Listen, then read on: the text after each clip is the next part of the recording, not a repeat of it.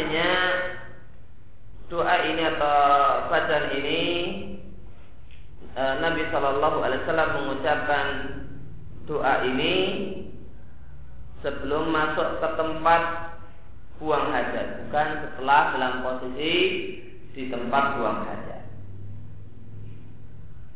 Allahumma aslinya adalah ya Allah. Sedangkan mem yang bertasdid di akhir kata Allahumma adalah iwatun minalia adalah ganti dari ya yang dibuat. Ini Aku a'udzubika sesungguhnya aku berlindung kepadamu. Itu alu wa altaji'u aku aku berlindung dan aku mencari tempat perlindungan. Minal uh, atau minal khobzi ada dua cara baca bisikan lilba Saatnya boleh sukun ya, khub, e, atau taknya boleh dhamma khubusi maka khubsi atau khubusi adalah jamak dari khobir sedangkan khobais adalah jamak dari Khubisa. Maknanya ada dua pendapat ulama tentang makna khubsi wal khobais yang pertama adalah yang dimaksudkan adalah setan laki-laki dan setan perempuan. Penjelasan yang kedua yang dimaksud dengan kubsi wal kubaid adalah al makruha segala sesuatu yang tidak kita inginkan, segala kejelekan. Maka berdasarkan penjelasan yang pertama, maka doa ini adalah dalil bahwasanya WC itu adalah tempat setan, tempat di mana e, setan itu berada. Dan hadis ini dalil bahwasanya uh, si uh, setan itu punya jenis kelamin, ada setan laki-laki dan ada setan perempuan. Oleh karena itu maka dari realita ini maka ini jadi dalil tidak sepatutnya berlama-lama di WC tanpa ada keperluan. Karena adalah tempat setan meskipun WC tersebut dibuat indah, dibuat wangi, ya, tempat tetap statusnya adalah tempat setan. Maka tidak sepatutnya seorang itu berlama-lama di WC tanpa kebutuhan yang mendesak. Maka tidaklah dia WC seperlunya saja, secukupnya saja.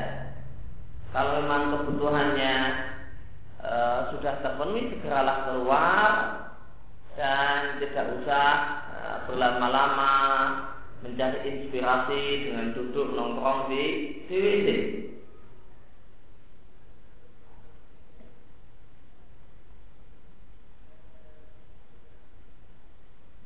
Berkaitan dengan masalah berkaitan dengan masalah WC ini pernah ada uh, atau kadang uh, sebagian pengantin anyar bertanya apa hukum hubungan badan dengan istri di WC. Maka saya saya katakan jawabannya tidak selayaknya dilakukan di WC. Di WC itu tempatnya setan. Tidak layak melakukan hal tersebut di WC. Alasannya hadis ini. Alasannya ini. Tempat setan tidak layak untuk e, melakukan hal tersebut di tempat ini.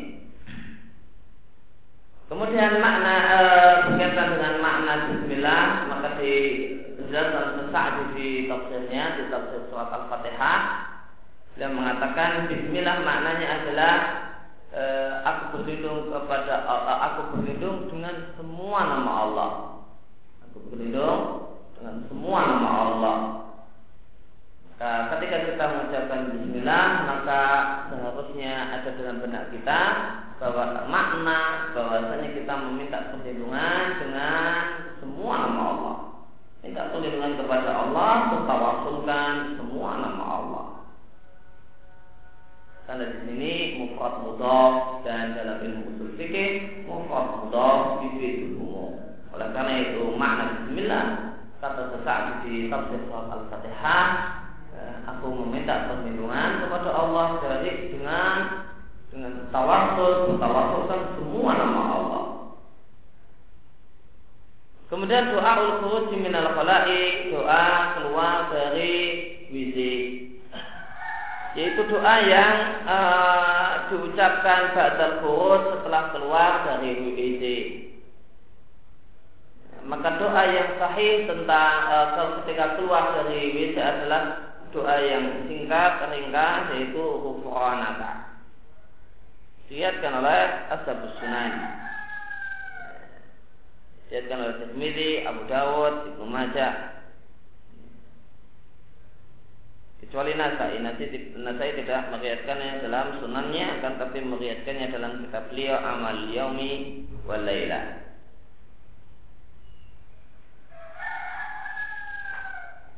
Sahabat yang menjelaskan hadis ini adalah Aisyah bintu Abi Bakrin radhiyallahu anhuma atau radhiyallahu anha wa anhu.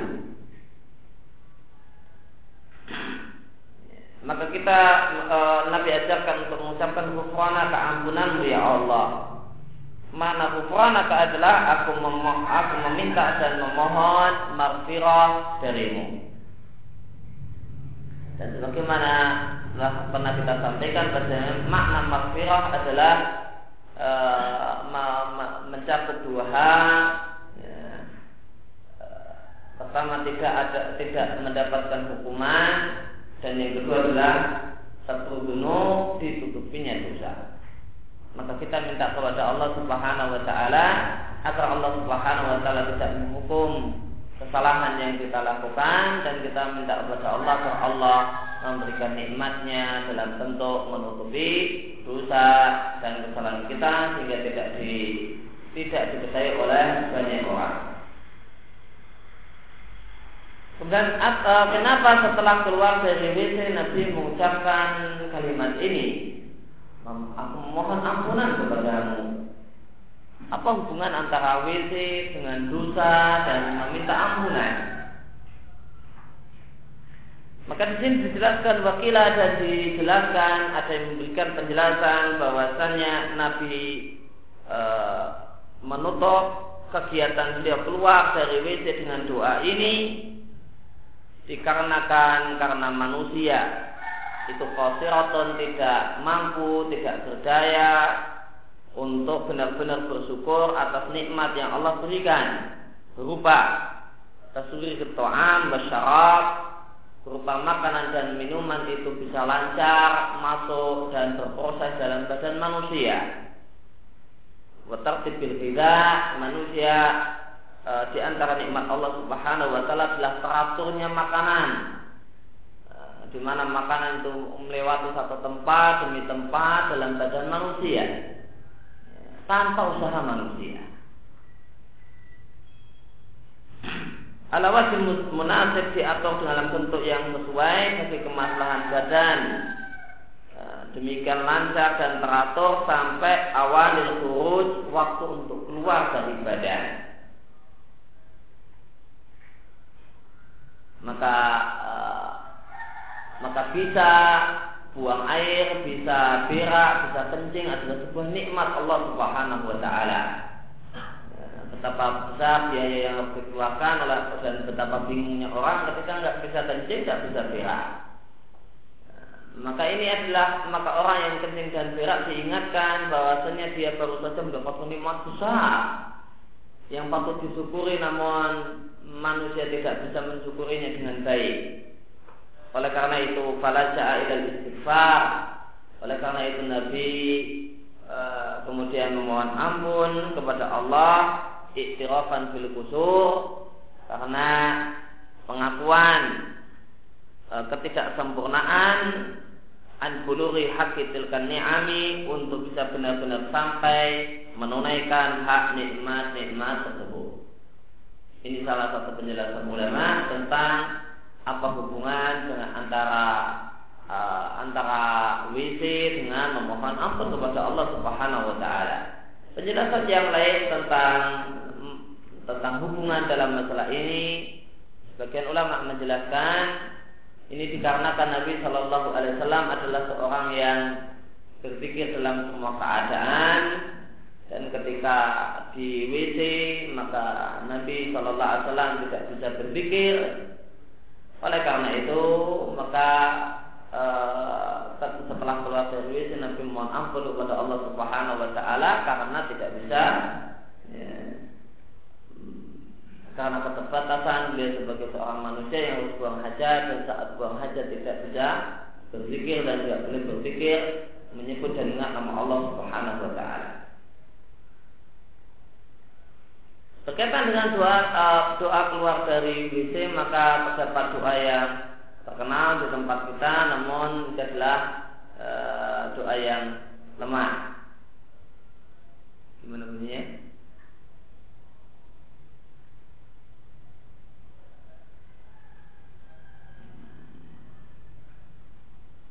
ingat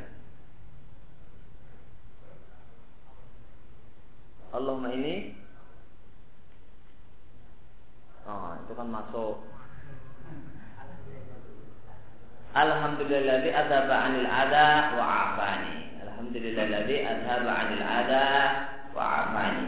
Segala puji bagi Allah Zat yang telah adzaba 'anil ada menghilangkan dariku gangguan yaitu kotoran air kencing ataupun berak wa afani dan memberikan kesehatan untukku. Ini bacaan e, doa keluar dari WC yang cukup terkenal di tempat kita namun hadisnya adalah hadis yang sahih oleh karena itu tidak diletakkan oleh penulis Ibnu Muslim di judul bab doa wa minal khalai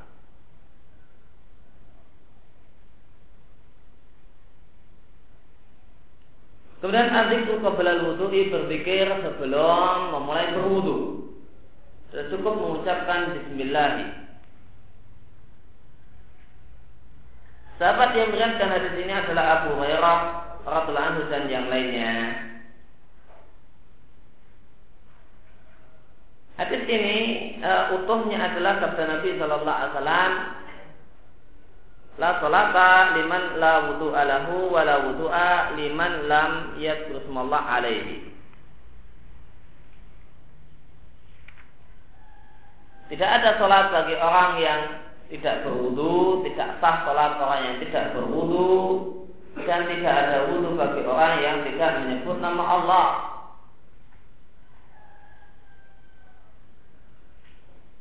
Lalu apa hukum mengucapkan uh, Bismillah atau menyebut nama Allah Subhanahu wa taala pada saat awal wudhu. Maka berkata salah seorang ulama India Waliyah Ad-Dahlawi rahimahullah taala dalam kitab Al-Hujjah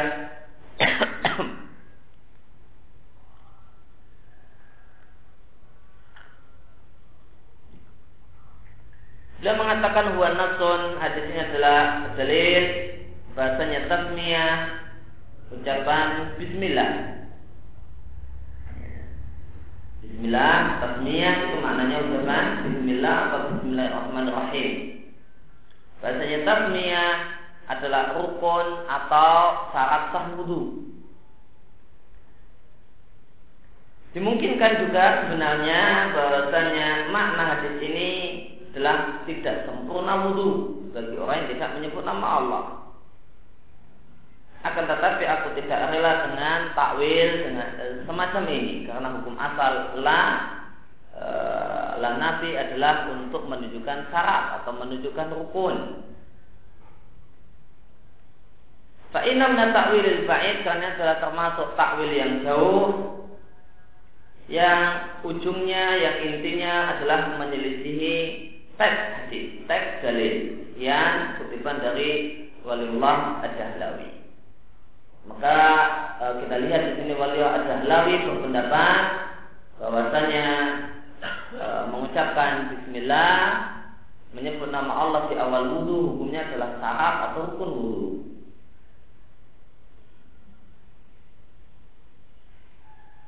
Dan ini, ini, ini dan inilah pendapat yang uh, ini pendapat yang dipilih oleh Mukbil bin Hadi Al-Wadi'i di kitab beliau Ijabatul Sa'il di Ahamil Masail.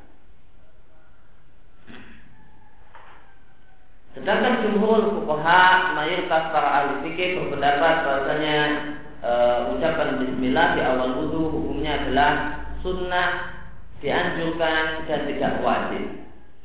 Apalagi rukun. Dan ini pendapat jumhur fuqaha mayoritas para pakar fikih Jumhur fuqaha mengatakan bahasanya makna la wudu'a liman lam yadhkur ya, lam smallahi alaihi maknanya adalah tidak sempurna wudu bagi orang yang tidak menyebut nama Allah Subhanahu wa taala dalam wudunya. Ya, namun pendapat jumhur bahwa ini dibantah oleh Wallah Dahlawi dengan mengatakan ini adalah takwil yang jauh. Sedangkan Hanabilah berpendapat bahwasanya e, menyebut nama Allah bertasmiyah dalam wudhu hukumnya adalah wajib jika ingat. Wajib jika ingat dan jika jika lupa maka tidak apa-apa. Mereka menggabungkan antara hadis ini e, la wudu'a liman lam yadhkur alaih dengan hadis yang menunjukkan dimaafkannya orang-orang yang lupa atau dalil-dalil yang menunjukkan dimaafkannya orang yang lupa semacam Rabbana in uh, Rabbana la tu'akhidna in nasina aw akhtana. Maka digabung uh, hadis-hadis tentang tentang hal ini kemudian disimpulkan wajib jika ingat sebenarnya adalah wajib jika ingat e, dan tidak mengapa jika jika lupa. Ini pendapat yang dimulai dari Ibnu Qudamah di Murni demikian juga dipilih oleh penulis uh, sifat wudhu Nabi Sallallahu Alaihi Wasallam. Dan di antara yang menyebabkan perbedaan pendapat dalam masalah ini adalah status hadis. Ya. Hadis ini la salata liman la wudu alahu uh, wala wudu liman lam yadhkurullah alaih ini diperselisihkan ulama statusnya. Imam Ahmad mutaifkannya. Imam Ahmad menilai sebagai hadis yang sahih dan juga katakan tidak ada hadis yang sahih tentang masalah ini, tentang masalah Bismillah dalam wudhu. Dan ini yang uh, pendapat ini yang diambil oleh Syekh Muhammad bin Sulaiman sehingga Syekh Muslimin termasuk ulama yang berpendapat bahwasanya Bismillah dalam wudhu hukumnya adalah sunnah dan tidak wajib. Sebagian ulama mensahihkan hadis ini di antaranya adalah Al-Albani rahimahullah taala. Eh, demikian juga uh, Abdul Aziz bin Abdullah bin Baz rahimahullah taala uh, menilai hadis ini sebagai hadis yang sahih. Oleh karena itu, maka Abdul Aziz bin Baz berpendapat bahwasanya Tasmiyah dalam wudhu, Bismillah dalam wudhu adalah satu hal yang wajib, namun tidak, uh, namun namun tidak mengapa jika lupa menimbang dari dalil yang lain.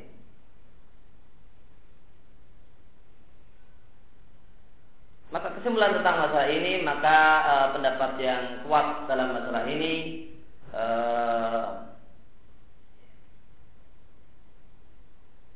adalah pendapat yang mengatakan ini wajib dalam kondisi ingat dan e, tidak mengapa jika orang itu lupa. Jamaah bainal adillah dalam rangka mengkompromikan berbagai dalil dalam masalah ini. Kemudian azikru ba'dal farahi minal wuduhi e, zikir yang diucapkan setelah selesai berwudu yaitu mengucapkan syahadat asyhadu an la ilaha illallah wahdahu la syarikalah wa asyhadu anna muhammadan abduhu wa rasuluh. Aku bersaksi bahwasanya tiada sesembahan yang berhak disembah melainkan Allah semata, tiada sekutu baginya dan aku bersaksi bahwasanya Muhammad adalah hamba dan utusannya. Sahabat yang menjelaskan hadis ini adalah Uqbah bin Amir al-Juhani radhiallahu anhu. Asyadu maknanya adalah aku mengikrarkan dengan hatiku, mengakui dengan hatiku, kemudian kuucapkan dengan lisanku. Karena syahadah dalam bahasa Arab maknanya adalah nutkun wa ikhbarun, adalah ucapan lisan yang menceritakan apa yang menjadi isi hati. Syahadah itu ucapan aslinya min syuhudu syai' yang maknanya adalah huduruhu wa ru'yatuhu, menghadiri dan melihat sesuatu. Maka seorang yang bersyahadat la ilaha illallah asyhadu alla orang yang mengucapkan asyhadu alla ilaha illallah maka seakan-akan bahasanya dia menceritakan isi hatinya dia menceritakan isi hatinya dengan dia ucapkan dengan lisannya seakan-akan dia melihat perkara ini dengan mata kepalanya.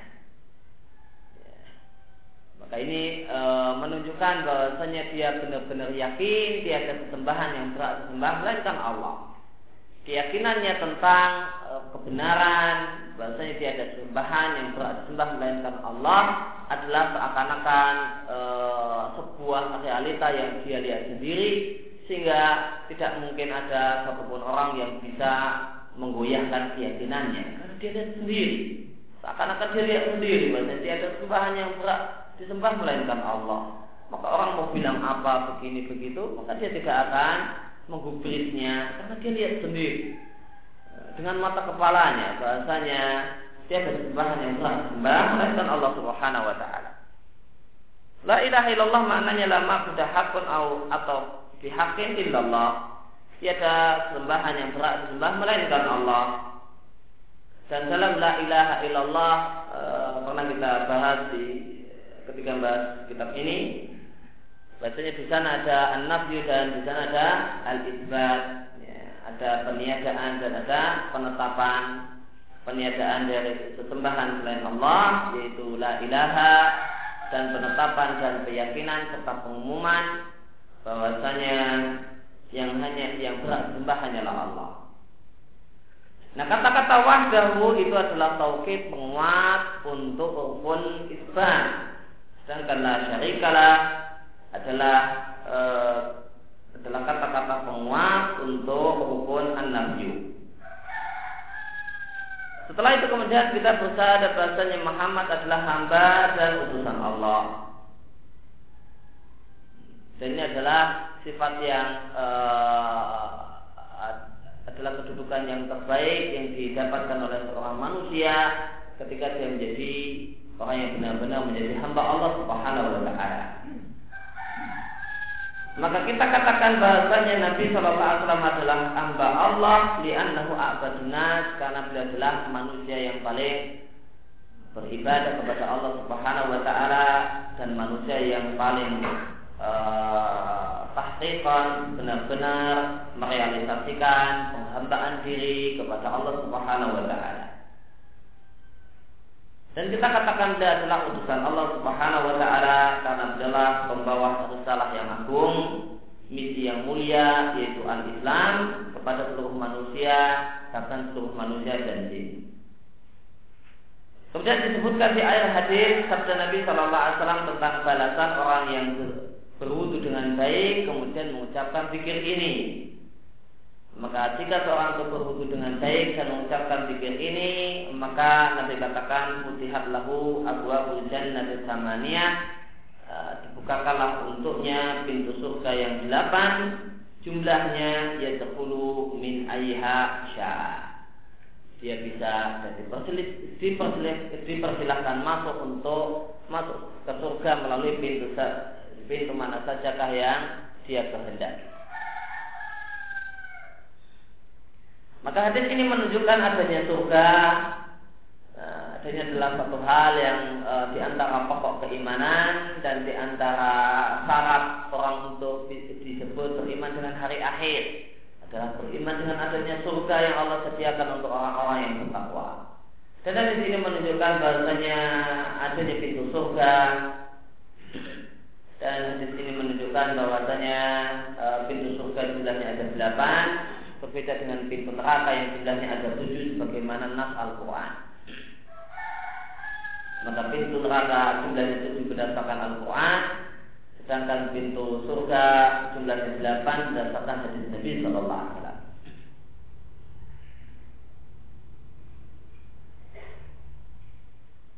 Kemudian hadis ini menunjukkan adanya manusia-manusia yang dipersilakan masuk masuk ke surga melalui pintu mana saja yang dia kehendaki. Dan di antara mereka manusia yang dapatkan kemuliaan semacam ini adalah manusia yang membiasakan dirinya untuk berwudu setelah selesai berwudu mengucapkan syahadat.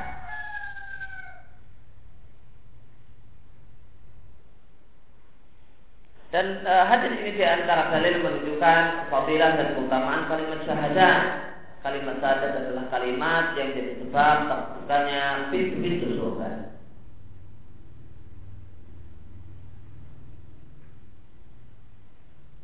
Dan dalam e, dalam hadis ini terdapat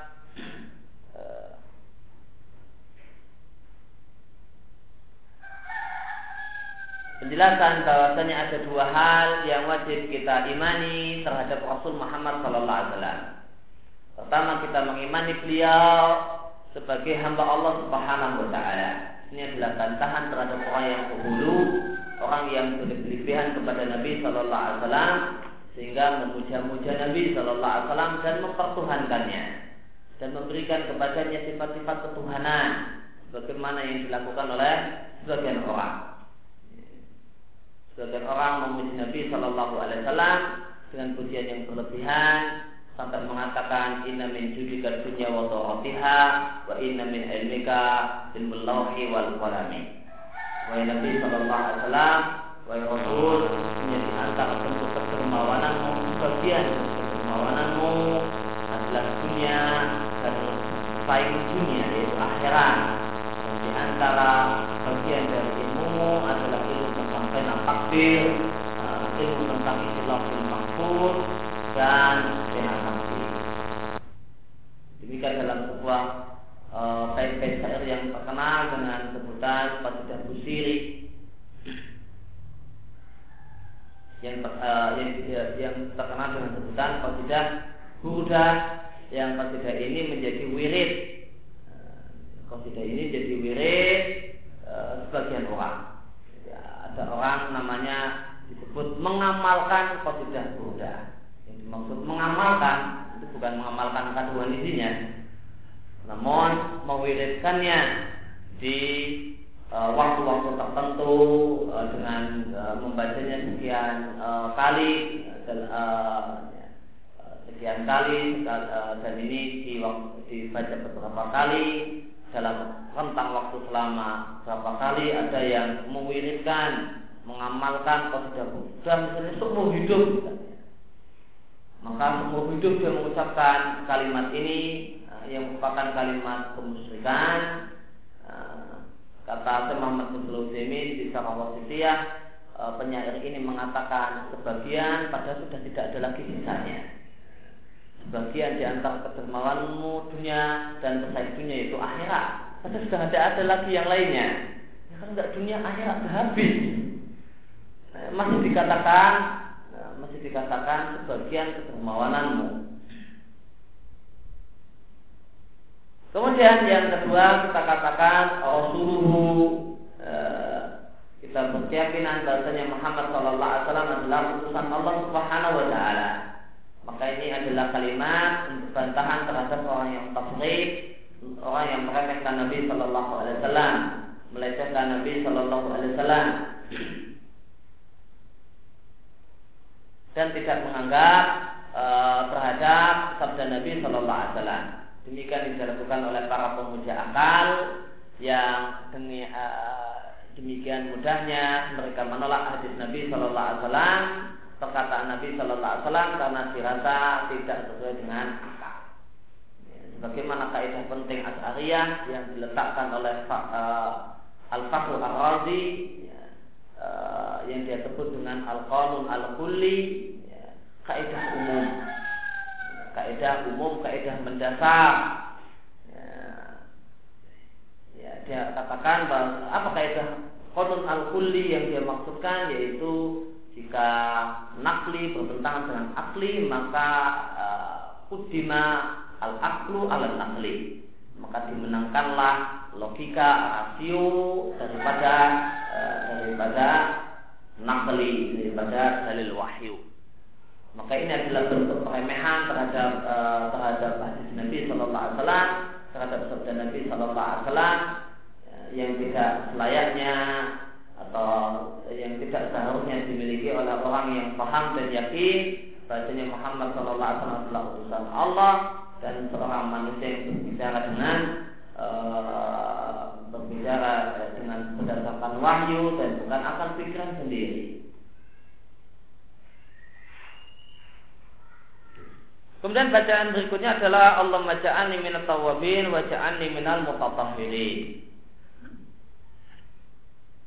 Ya Allah jadikanlah aku di antara orang-orang yang banyak bertobat dan jadikanlah aku e, termasuk orang-orang yang bersuci. Diatkan oleh Tirmidzi dan hadisnya dihasankan dinilai hasan oleh Al Albani. Maka dua doa ini bisa digabung setelah kita mengucapkan syahadat kemudian disambung disambung dengan Allah maja'alni minat tawabin wa ja'alni minal mutatahhirin. Maka kita meminta uh, sahabat yang meriwayatkan hadis ini adalah Umar bin Khattab radhiyallahu anhu.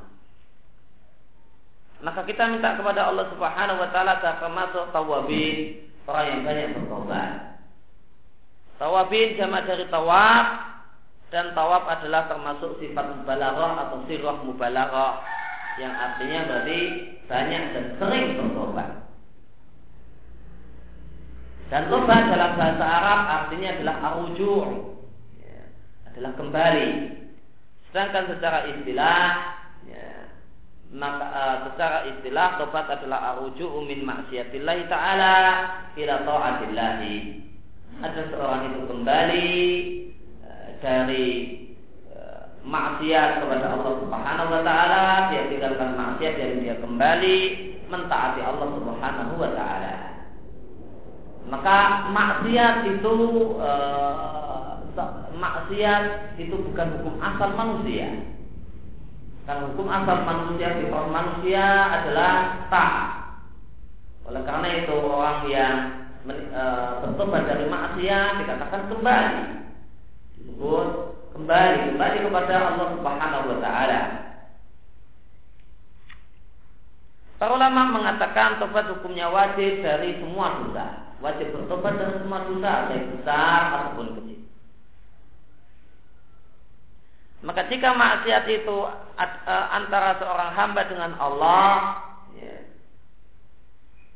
dan tidak berkaitan dengan hak manusia, maka syarat sah tobat agar disebut tobat yang e, sempurna, tobat yang diterima. E, syarat tobatnya ada ada e, ada tiga. Yang pertama adalah segera melepaskan diri dari maksiat maka bukanlah orang yang bertobat yang mengatakan bertobat namun tidak berhenti dari maksiat. Kemudian yang kedua menyesali apa, maksiat yang telah dikerjakan dan dilakukan. Dan tentu menyesal dan tanda dia menyesal, dia sedih ketika dia teringat dosanya, bukan malah bangga. Bukan malah setelah dia berhenti bermaksiat dia ceritakan kemaksiatannya dengan penuh kebanggaan, dengan penuh kegembiraan. Namun tanda orang itu menyesal dan bukti orang itu menyesal, dia sedih dan marah terhadap dirinya sendiri karena telah melakukan pelanggaran, bukannya bangga dan gembira.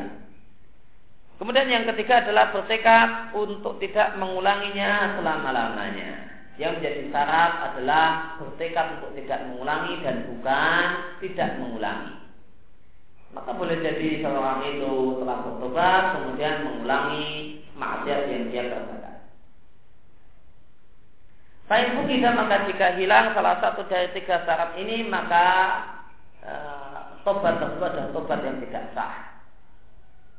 Dan jika maksiat tersebut berkaitan dengan hak sesama manusia, ya, maka tobatnya syarat sah tobat ada empat. Tiga tadi ditambah dengan ayat roh min sahibiha telah membersihkan masalah membebaskan diri, membebaskan masalah dari e, hak manusia.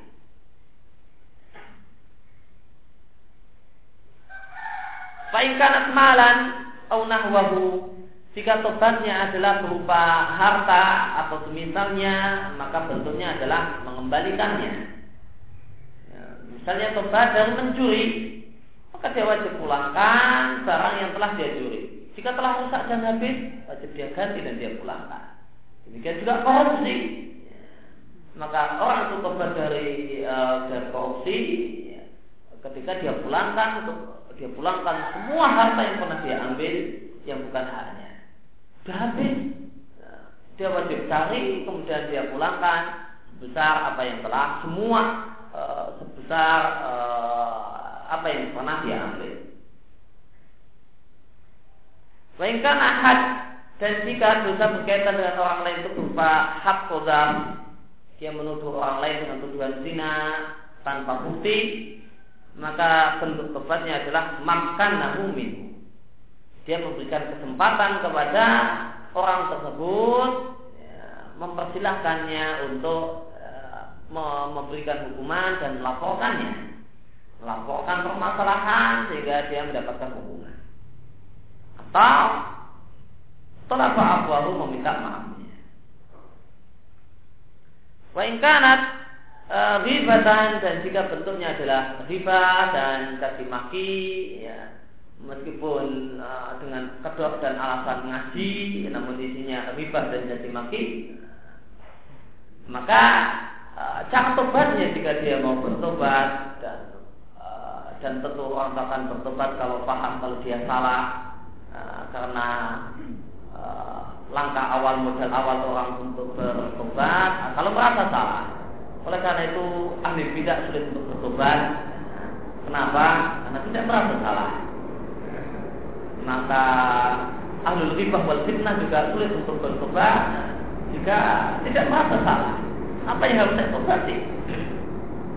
Maka jika seorang itu ber, nah, ingin bertobat dari riba yang dia kerjakan, maka di sini penulis mengatakan lahu minha.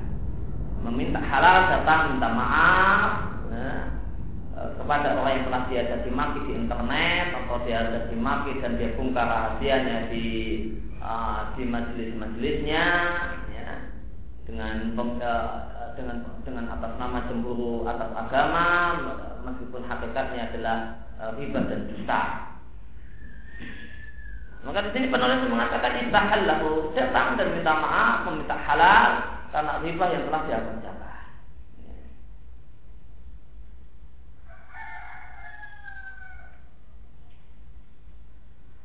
Ini pendapat sebagian ulama tentang masalah tobat dari riba. E, mereka mengatakan e, minta halal, datang minta maaf secara total, e, secara mutlak. Dan pendapat yang lebih baik tentang masalah ini adalah pendapat yang dipilih oleh Ibnu Qayyim di kitab beliau Wabil Sayyid dan beliau katakannya adalah pendapat gurunya Syekhul Islam Ibnu Taimiyah rahimahullah taala. Bahasanya bentuk tobat dari riba adalah dirinci jika Eh, riba tersebut telah sampai riba dan caci maki tersebut telah sampai ke telinga orang yang diriba. Orang yang diriba telah tahu kalau dia e, diriba oleh seseorang, dicaci maki dan dinudai kehormatannya oleh seseorang. Maka wajib datang minta maaf. Yang kedua, e, jika jika dia tidak tahu, jika dia tidak tahu, eh, jika dia yakin bahasanya orang yang dia riba tidak tahu, dia yakin orang yang dia riba belum tahu kalau dia pernah mengribahnya, maka e, tidak perlu datang minta maaf, akan tetapi cukup dengan dia memberikan ralat dengan memuji-muji orang tersebut di majelis dia e, melakukan riba dan mencaci makinya dan menundai kehormatannya dan memohonkan ampunan kepada Allah Subhanahu wa taala untuk orang yang telah dia jadikan sebagai bahan.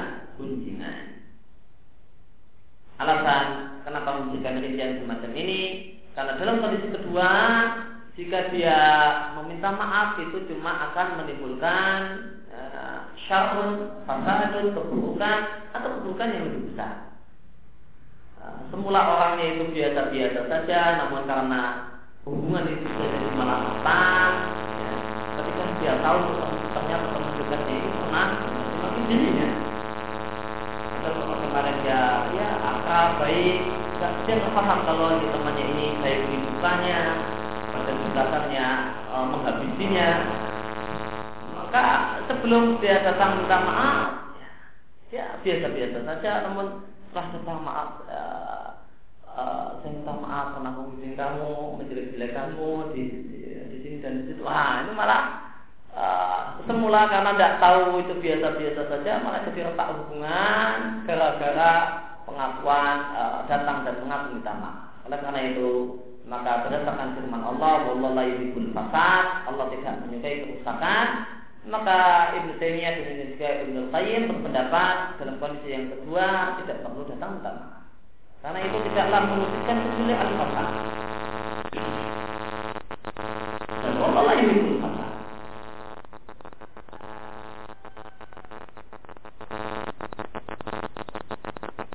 Kemudian uh, wajib ayat dan wajib bertobat dari semua dosa. Gimana kalau orang itu bertobat sebagian dari dosanya dan belum bertobat dari sebagian yang lain? Sahkah tobatnya?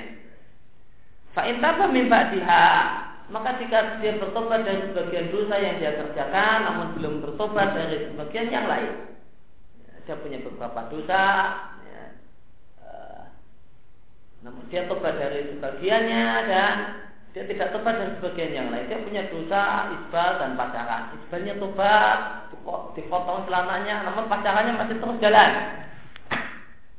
Sah tobatnya. Maka pendapat yang di dalam masalah ini ulama khilaf tentang keabsahan tobatnya. Diperselisihkan keabsahan tobatnya.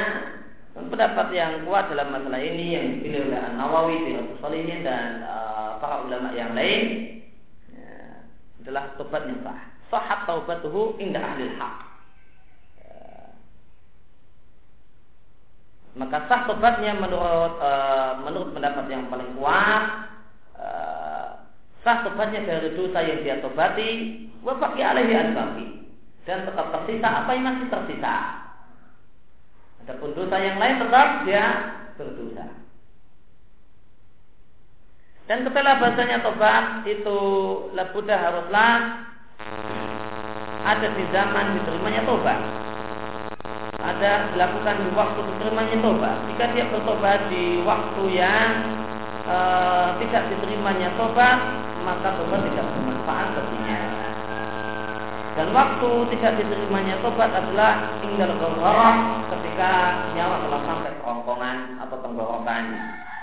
Bagaimana sabda Nabi Shallallahu Alaihi Wasallam, Inna Allah Azza wa Jal yakbalu taubatal abdi malam yuhir. Sesungguhnya Allah Subhanahu Wa Taala menerima tobat seorang hamba selama nyawanya belum sampai ke tenggorokannya, selama proses kematian belum berlangsung pada dirinya. Kalau dia sudah dalam keadaan sakaratul maut, maka tobat ketika itu tidak diterima. Sebagaimana tobatnya Fir'aun ketika dia dalam sakaratul maut tidak Allah terima. Al-ana waqad ataita min qablu. Apakah sekarang kamu baru tobat dari Fir'aun kata Allah Subhanahu wa taala? Dan sekarang sudah mau mati ya.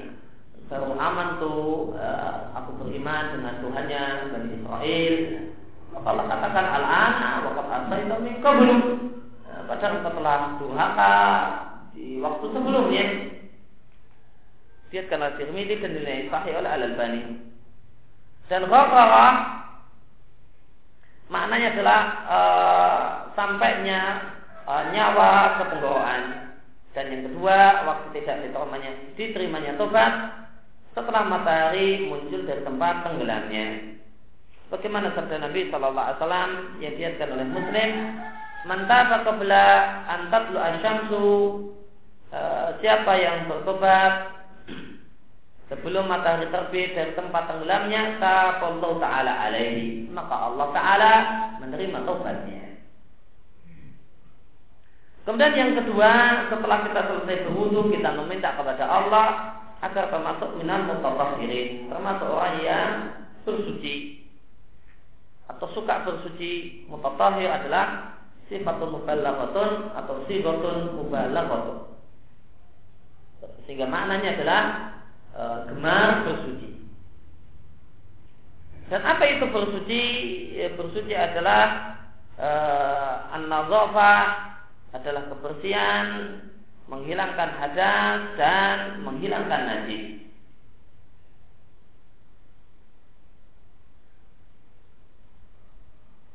Dikarenakan tobat adalah membersihkan batin dari kotoran dan daki dosa dan wudhu adalah tohara adalah kebersihan untuk sisi lahir badan manusia dari berbagai hadas yang menghalangi seorang untuk mendekatkan diri kepada Allah. Maka satu hal yang sangat cocok dikumpulkannya dua hal ini dalam doa ini. Sebagaimana firman Allah Subhanahu wa taala di surat Al-Baqarah, "Innallaha yuhibbut tawwabin wa yuhibbul mutatahhirin." Ini Allah Subhanahu wa taala mencintai orang yang sering bertobat dan Allah Subhanahu wa taala mencintai orang yang gemar bersuci. Maka yang Allah cintai adalah orang yang gemar bertobat, demikian juga yang kita minta kepada Allah Subhanahu wa taala agar Allah jadikan kita orang yang gemar bertobat. Karena manusia yang bertakwa dan orang yang saleh bukanlah orang yang tidak punya dosa. Manusia yang bertakwa dan orang yang saleh bukanlah orang yang tidak punya kesalahan. Akan tapi orang yang bertakwa dan orang yang saleh adalah orang yang mudah sadar ya, dan menyadari kalau itu dosa kemudian bertobat darinya.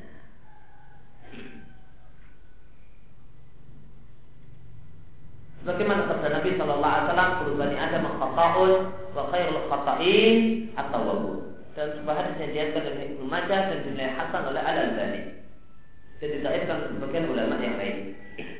Uh, setiap manusia itu punya banyak kesalahan dan sebaik-baik orang yang punya banyak kesalahan adalah orang yang berulang kali bertobat. Makanya Allah cinta adalah orang yang berulang kali bertobat. Ya, karena manusia mesti memiliki kesalahan. Oleh karena itu ketika Allah Subhanahu wa taala menyebutkan ciri-ciri orang yang bertakwa yang Allah sediakan untuknya surga seluas langit dan bumi, Ya Allah katakan dan lil muttaqin disiapkan untuk orang-orang yang bertakwa, maka Allah katakan mereka adalah orang-orang yang tidak fa'alu fahishatan aw dzalamu anfusahum dzakarullaha fastaghfiru dzunubihim wa may yaghfiru dzunuba illallah. Di surat Ali Imran. Allah katakan bahasanya orang-orang yang bertakwa adalah orang-orang yang jika mereka melakukan perbuatan dosa besar atau dosa kecil tentang Allah mereka ingat Allah ingat kalau ini mudah ingat dan mudah cepat diingatkan bahwasanya ini dilarang oleh Allah ya. Allah mereka ingat ini larangan Allah fastar kalau lidunubi lalu mereka segera bertobat dan memohon ampun kepada Allah maka orang yang bertakwa adalah bukanlah orang yang ketika dinasihati Eh, bukanlah eh, bukanlah sifat dan ciri orang yang bertakwa, orang yang ketika dinasihati dan diingatkan berkilah ke sana kemari. Ya. Intinya ngeyel. Intinya ngeyel, mutar-mutar, intinya tidak mau dinasihati. Namun orang e, orang yang ciri orang yang bertakwa, ciri orang yang saleh adalah orang yang mudah diingatkan. Mudah ketika diingatkan, ini adalah aturan Allah Subhanahu wa taala, maka Eh, mereka langsung takut kepada Allah dan segera bertobat. Dan Allah apakah jika mereka berbuat salah kemudian diingatkan maka mereka ingat ini adalah aturan Allah fastaghfiru lalu mereka segera bertobat memohon ampun kepada Allah Subhanahu wa taala wa may illallah. Dan mereka yakin bahasanya tidak ada yang bisa memberikan ampunan uh, kecuali Allah Subhanahu wa taala. Sebagaimana dalam uh, di surat Al-Anfal Allah katakan bahwasanya orang-orang yang bertakwa adalah orang-orang yang jika disebut nama Allah wajilat qulubuh. Jika disebutullah wajilat qulubuh. Jika, disebut, uh, jika disebutkan nama Allah maka hatinya langsung merasa takut. Sebagian uh, di antara makna ayat ini sebagaimana penafsiran sebagian uh, ahli tafsir maknanya adalah jika dikatakan kepadanya diingatkan kepadanya ya akhi ittaqillah maka dia langsung ketakutan dan meninggalkan maksiat yang dia kerjakan. Itu yang dimaksud tidak Allah wajilat qulubuh. Itu ketika ada orang mengingatkan ketika dia terjumus uh, terjatuh dalam ketergelinciran, uh, kemudian ada orang yang datang mengingatkan, wahai saudaraku, takutlah kepada Allah, ingatlah bahwa ini adalah satu hal yang dilarang oleh Allah, Allah melarang untuk melakukan hal ini, wajilah dulu. Ketika dia diingatkan larangan Allah, langsung ber, langsung hatinya berubah kencang, ketakutan, dan yang keluar dari mulutnya astagfirullah, astagfirullah, bukannya tapi kan, bukan tapi kan, terus muter-muter, lo kan begini, begini, begini, lo kan begini, begini. Nah, intinya membela diri dan nah, udahlah kamu gak usah ngeyel jadi orang baik saja ngakui saja kalau dosa Ngeyel malah tambah banyak dosanya. Ngeyel mutar-mutar itu cuma akan menambah dosa. Nah, orang yang bertakwa kata Allah Subhanahu wa taala, "Idza dzukrismullah wajilat qulubuhum." Jika disebutkan diingatkan dia dengan nama Allah, maka dia akan ya, akan ketakutan, mukanya akan merah padam, bukan marah, namun isi, namun malu, namun takut. Dan langsung akan berhenti. Bukan kemudian orang yang ketika diingatkan uh, jika diingatkan itu dosa, Allah katakan di surat Al-Baqarah ada orang yang ketika diingatkan ini sebuah dosa dan kesalahan, maka Allah katakan dia ahzatul izzatu bil izmi. Maka ada tipe orang yang ketika diingatkan bahasanya ini adalah sebuah kesalahan, sebuah keburukan, maka ahzatul izzatu izzatu bil izmi. Maka keluarlah sombongnya bitismi untuk dalam mengerjakan dosa. Maka ada orang yang Allah katakan ketika dia diingatkan ini dosa maka dia muter-muter muter-muter untuk melegalkan, menjustifikasi dan membenarkan uh, dosanya. ini saya begini ini ya ini dalam rangka dakwah dalam rangka ini kamu jangan SMS sama perempuan jangan uh, semalaman ngantuk internet chattingan. Muter muter muter muter. Wah ini kan dalam rangka dakwah mau mau nahi mungkar. Uh, kemudian malah keluar ayat. Uh, ini dan itu mengeluarkan dari sini dan itu. Ini berbahaya ya Allah katakan ini adalah kelakuan sebagian orang ketika diingatkan dengan aturan Allah. Aku telah itu bil ini. Dia malah muncul sombongnya, muncul kesombongannya, kesombongan untuk membela dosa yang dia kerjakan. Allah salam orang.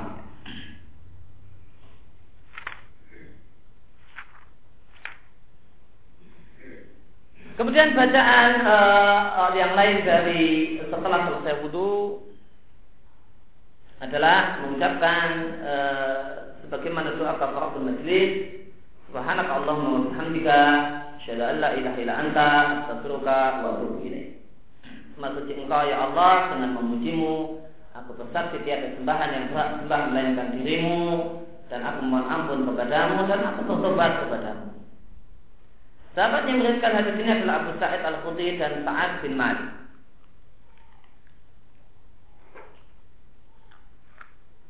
Subhana wa bihamdika wa bihamdika subhana di sini adalah uh, isim yang menggantikan masdar.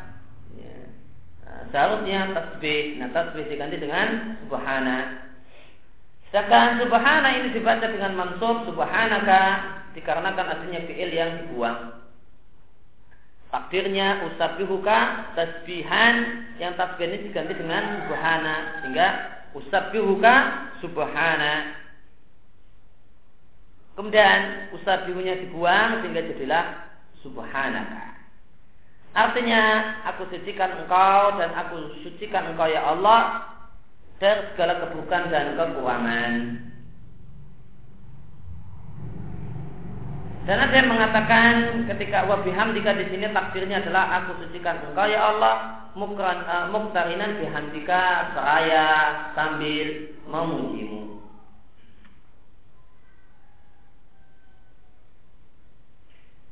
Maka orang yang mengucapkan subhanaka Allahumma maka seharusnya ada dalam benaknya dan dalam hati dan pikirannya eh, aku mensucikan Allah dari segala kekurangan dan telah kita sampaikan dalam majelis yang lewat eh, bahasanya kekurangan yang dimaksudkan sebagaimana kata Syekh Muslimin adalah kekurangan dari tiga hal.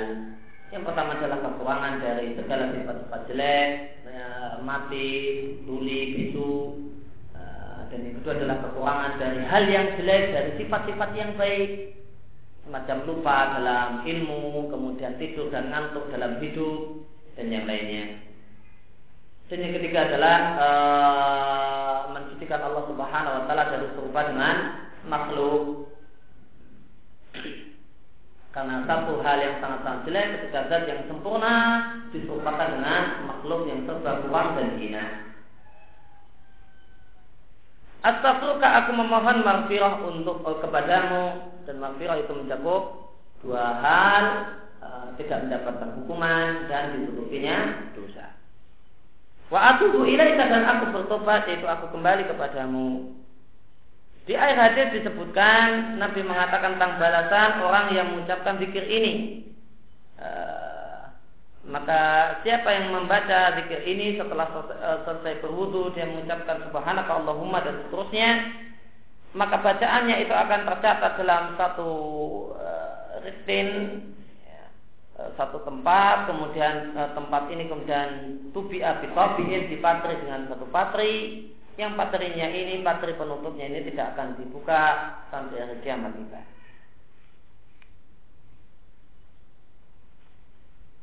Kemudian zikir berikutnya adalah uh, azikru ingdal khuruji minal manzil, zikir yang diucapkan ketika keluar dari rumah.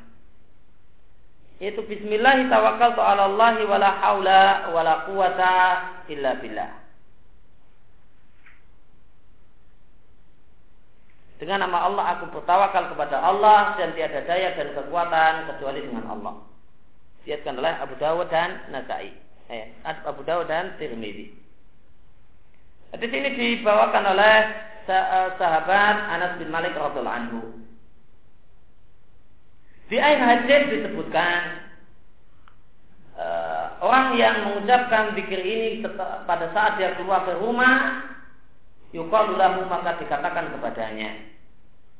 Maka dikatakan kepadanya kufita wa kita wa hudita.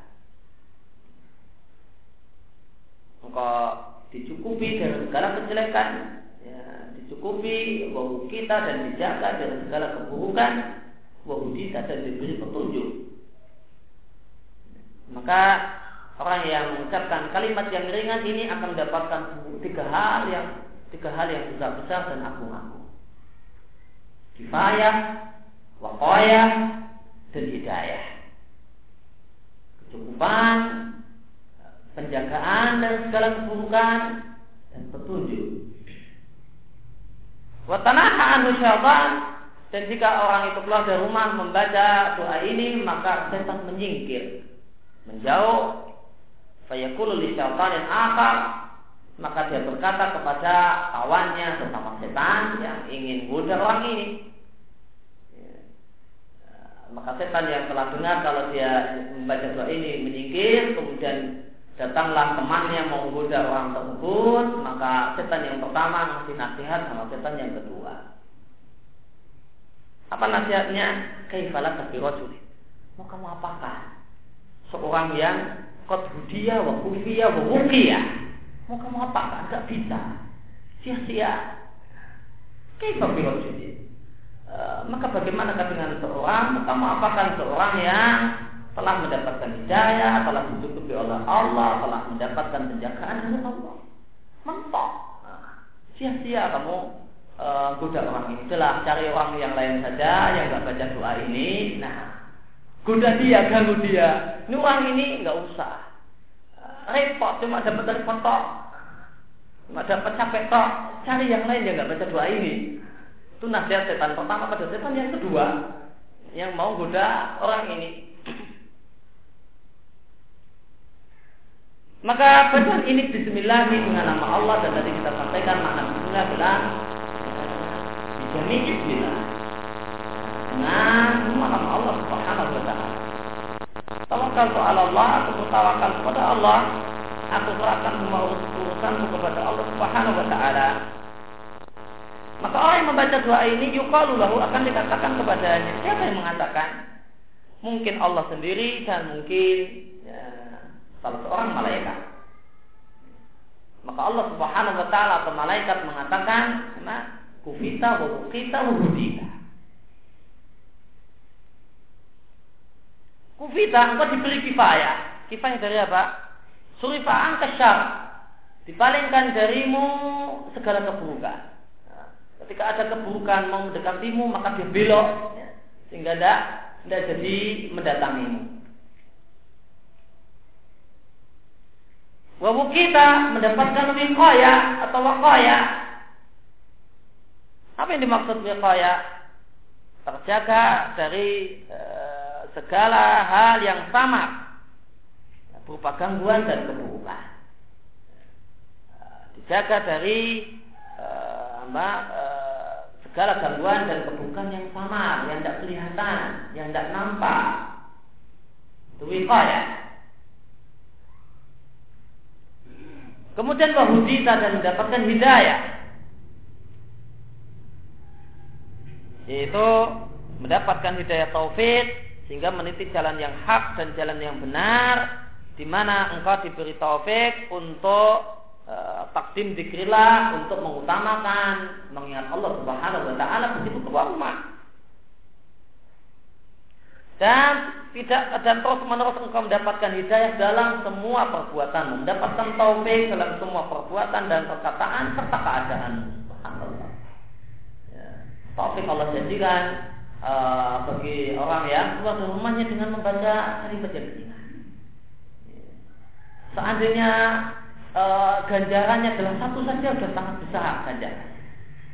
Apalagi dapat balasan tiga hal yang semuanya sangat penting dalam hidup manusia. Yang semua orang membutuhkannya. Nah, kenapa orang kok nggak mau mengerjakannya? Padahal sudah ngaji bertahun-tahun. Enggak, enggak mau ya.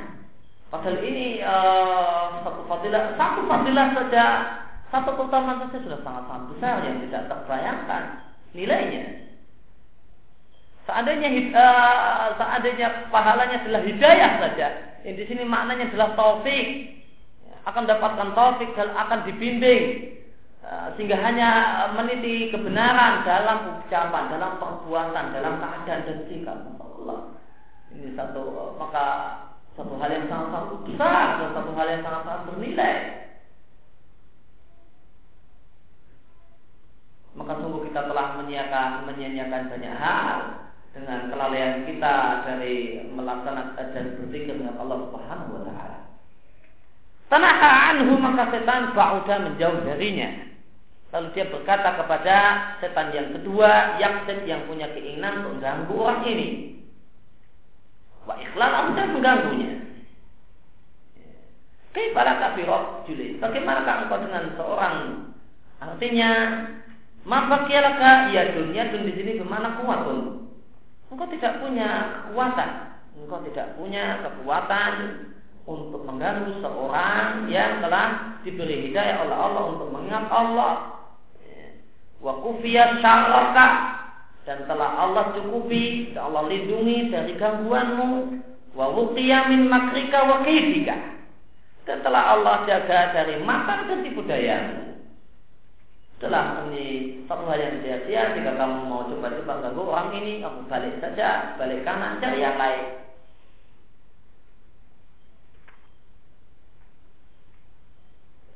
Kemudian uh, uh, yang terakhir dari doa yang kita baca kesempatan pagi hari ini dan ini adalah doa yang lain untuk keluar dari rumah adalah ucapan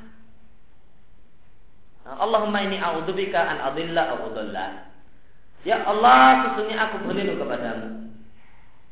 An adilla au Jangan sampai aku sesat dan jangan sampai ada orang yang menyesatkan diriku.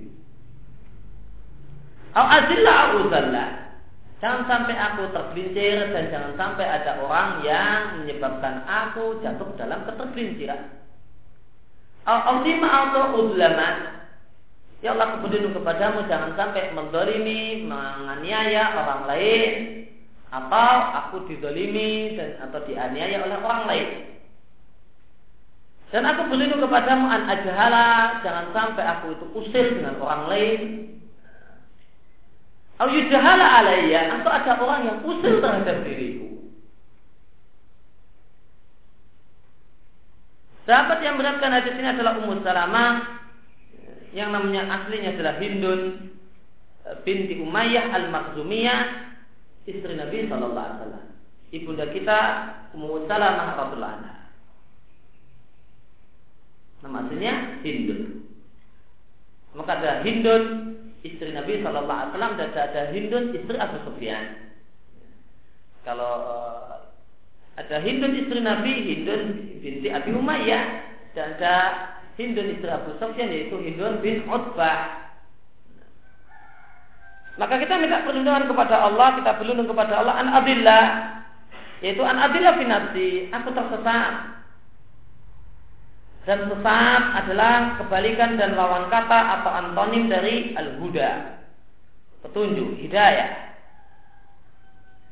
Aslinya dalam bahasa Arab e, dolat itu dalam kalimat dolat syai'u artinya doa. Hilang. Manasnya hilang. Dan seorang itu dikatakan dolat anitarif dalam bahasa Arab maknanya adalah harap.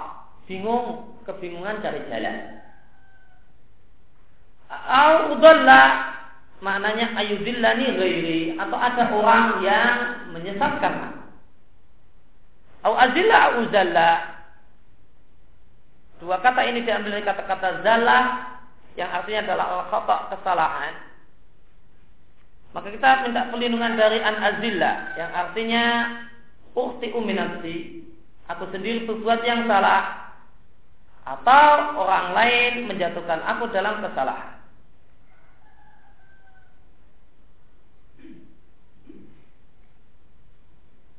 Atau oh, bukan atau maknanya adalah uki ugairi bihi aku jumuskan orang lain dalam kesalahan sedangkan makna yang kedua Yaitu uzalla maknanya adalah ada orang lain yang menjatuhkan aku, menjuruskan aku dalam kesalahan.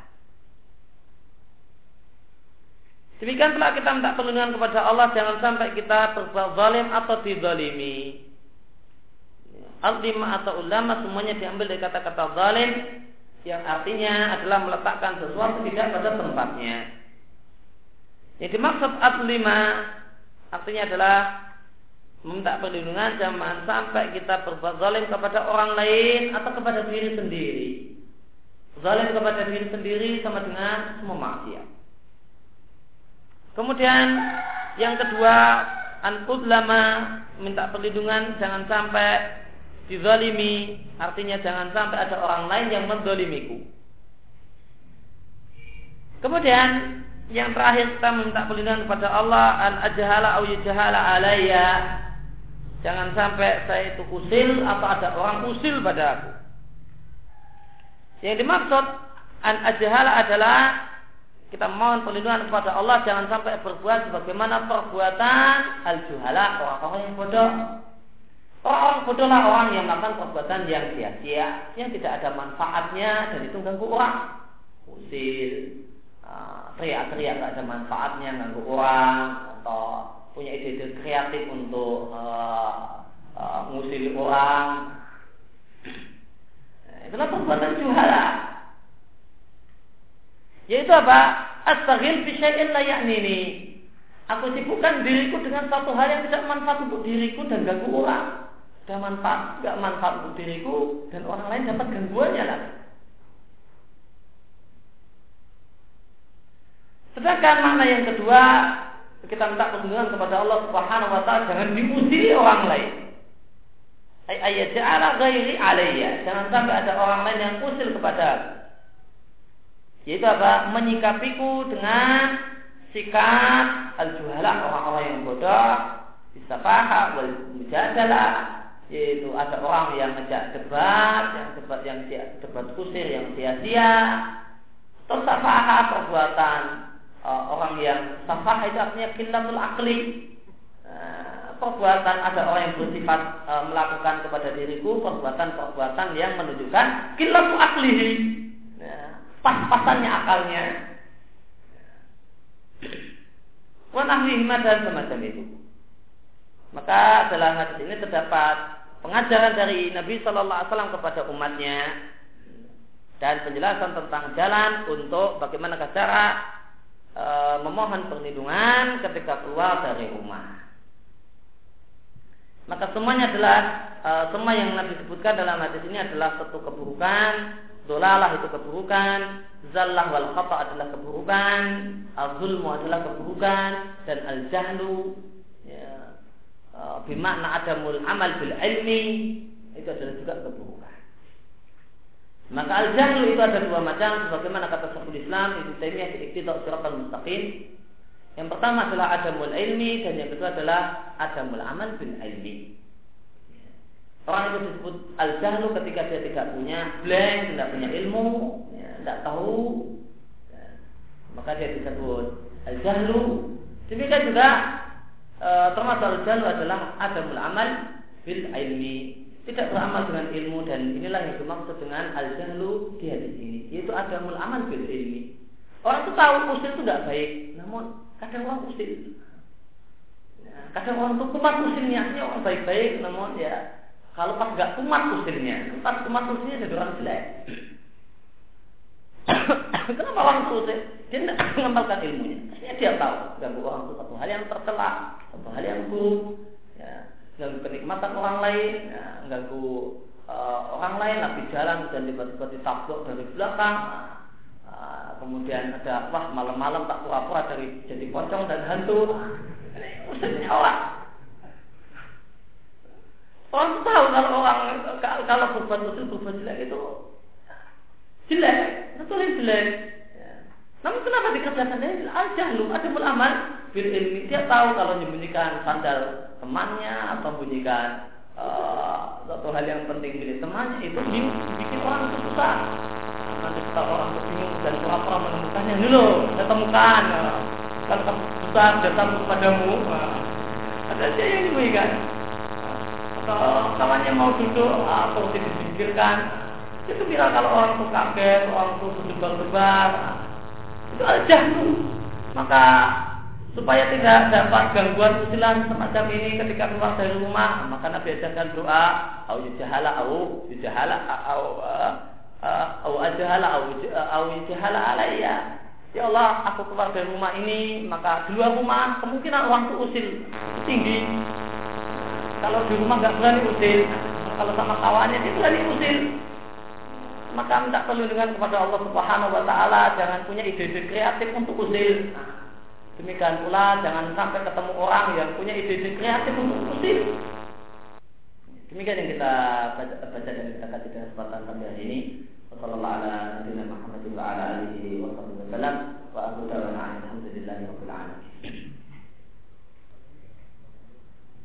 Ya, tentang la haula wala quwata illa billah apa perbedaan antara haula dan kuwata. Ada beberapa penjelasan ulama tentang makna haula, beda haula dan kuwata. Salah satunya adalah uh, haula adalah kekuatan untuk menjauhi kemaksiatan dan sedangkan kuat adalah kekuatan untuk melakukan kebaikan. Maka kita katakanlah haula wala quwata illa billah.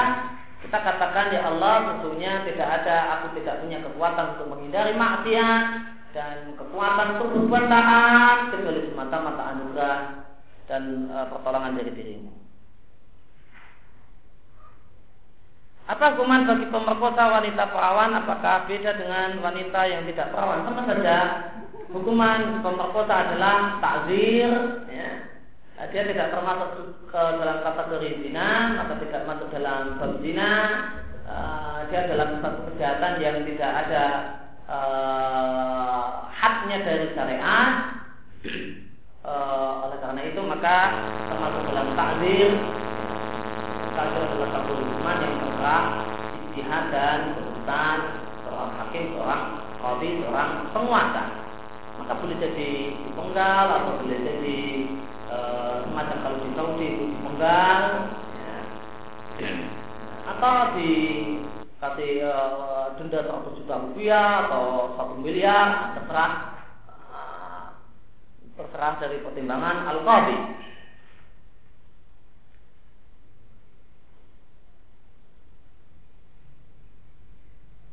Apa obat gampang sakit hati, dendam, sukar, melupakan masalah?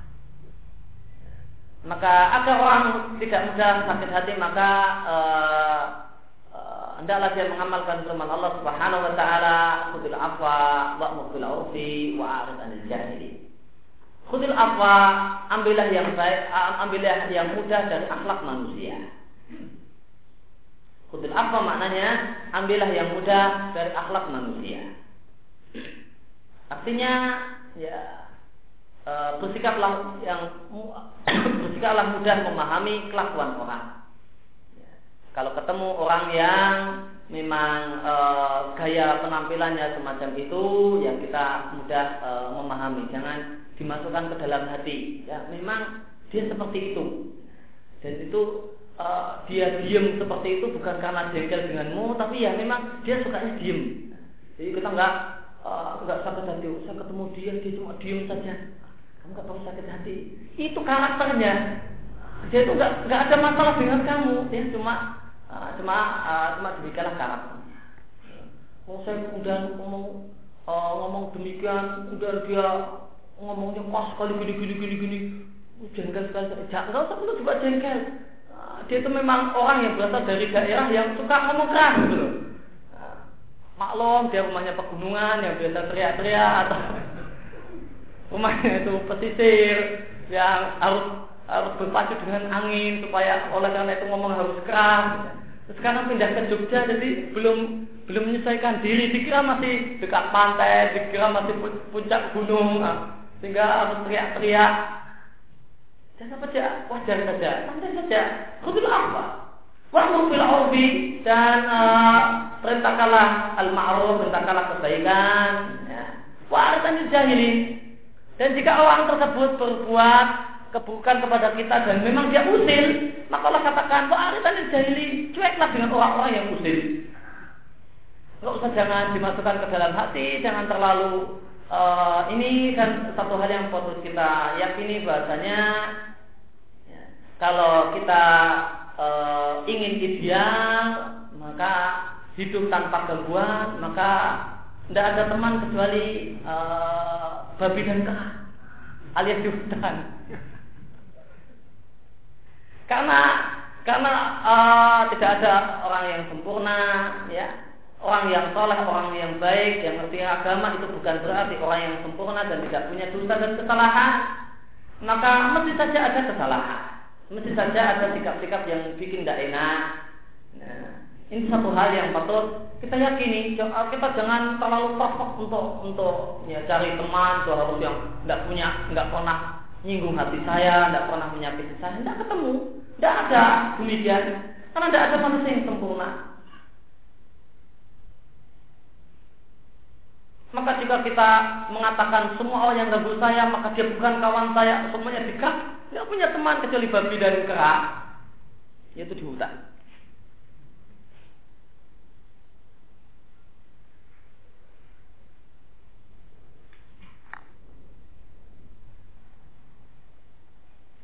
Bagaimana jika berwudu di WC? Apakah wajib berdoa ketika wudhu karena uh, keran untuk berwudu ada di WC?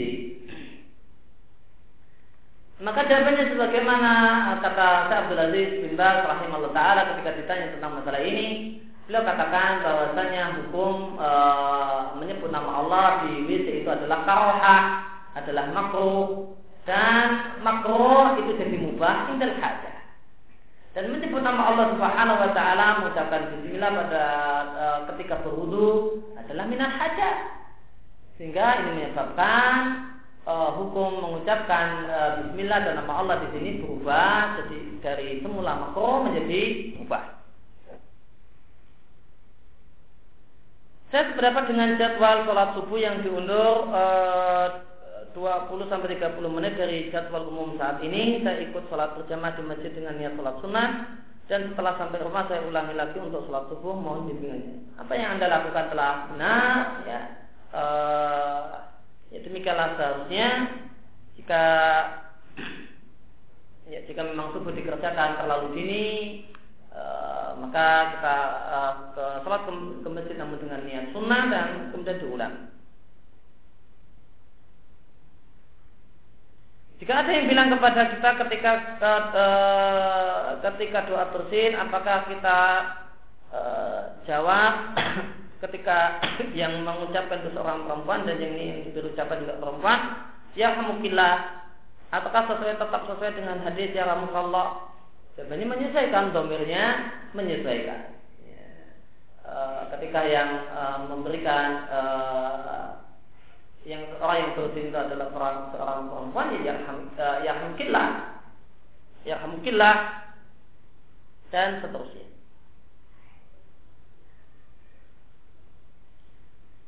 Saya sering pegang-pegang jenggot kemudian tercabut jenggotnya. Apakah kebiasaan ini harus dihentikan?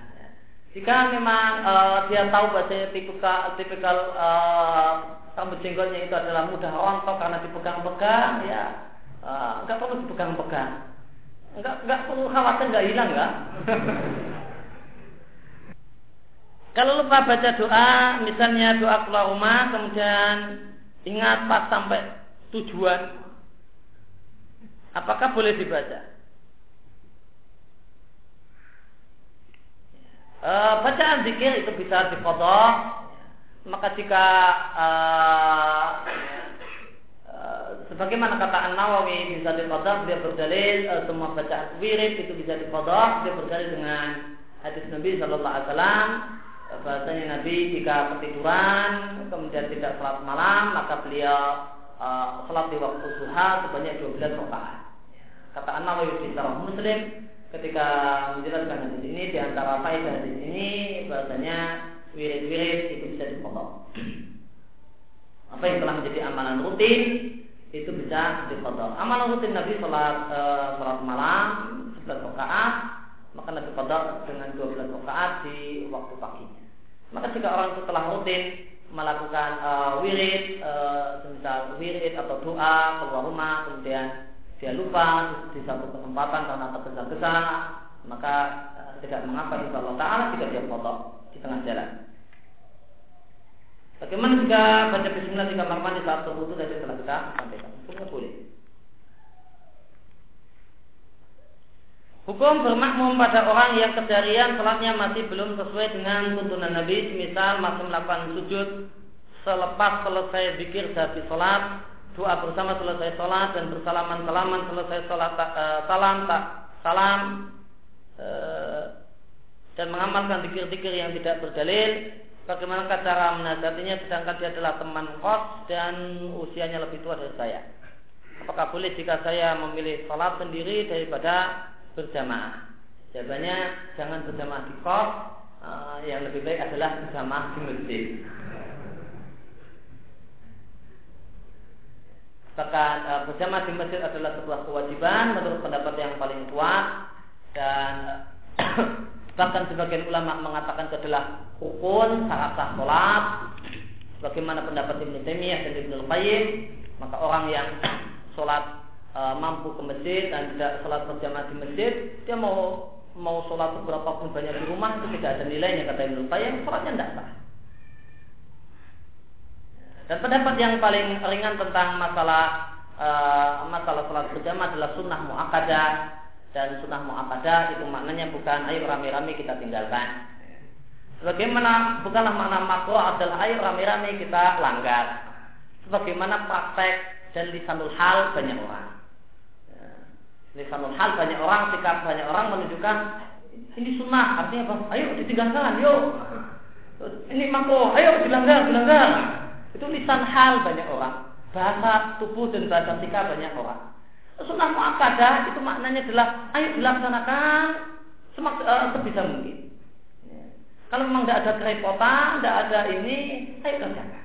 Itu sunnah. Uh, itu yang dimaksud. Mana sunnah muakkadah adalah dalam maksud para ulama Eh, ini makro artinya upayakan ditinggalkan sebisa mungkin. Namun kalau nggak bisa kemudian melanggarnya tidak apa-apa. Kamu tidak perlu bertobat. Bahkan pendapat yang benar tentang masalah ini bahasanya e, salat berjamaah adalah hukumnya wajib atas orang e, atas setiap setiap laki-laki yang e, memiliki kemampuan untuk ke masjid. E, sebagaimana Nabi Shallallahu Alaihi Wasallam tidak memberikan izin kepada orang yang buta, ada orang yang datang menghadap Nabi Shallallahu Alaihi Wasallam mengajukan enam udur, mengajukan enam alasan.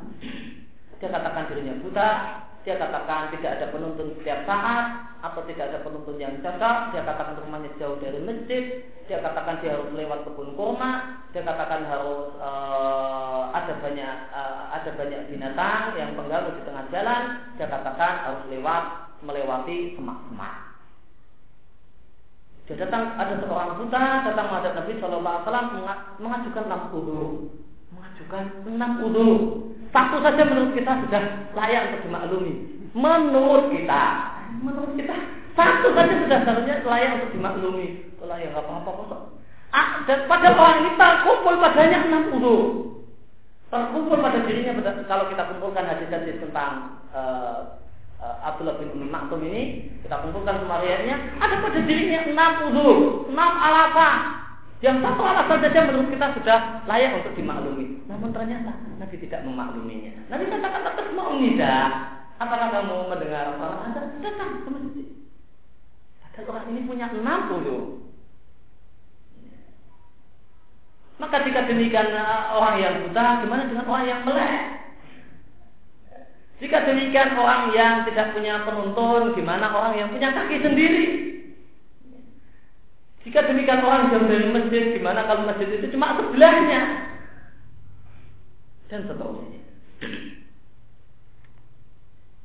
Kemudian uh, kita katakan seandainya seorang itu uh, ber, apa, berjamaah dengan seorang mak, uh, seorang imam yang jauh dari sunnah, maka sholat jamaahnya tidak masalah. Adapun masalah nasihat, maka jika kita memungkinkan untuk memberikan nasihat kepada dia, secara bijak, maka maka maksudnya kita upayakan. Tentu memberikan nasihat kepada orang yang usianya lebih tua itu jangan di seperti memberikan nasihat kepada si sendiri. Memberikan nasihat kepada orang lain jangan seperti sama adik sendiri, memberikan nasihat kepada orang yang lebih tua jangan dianggap seperti orang yang berbahaya.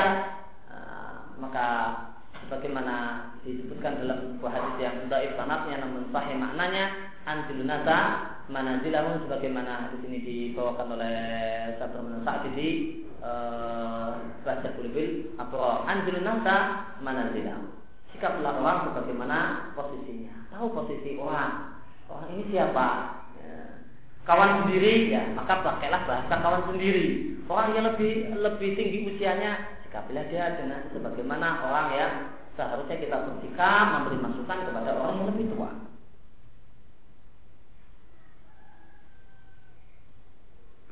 Di ayat berapa surat Al-Baqarah menerangkan perilaku sebagian orang yang diingatkan tanpa perkembangannya.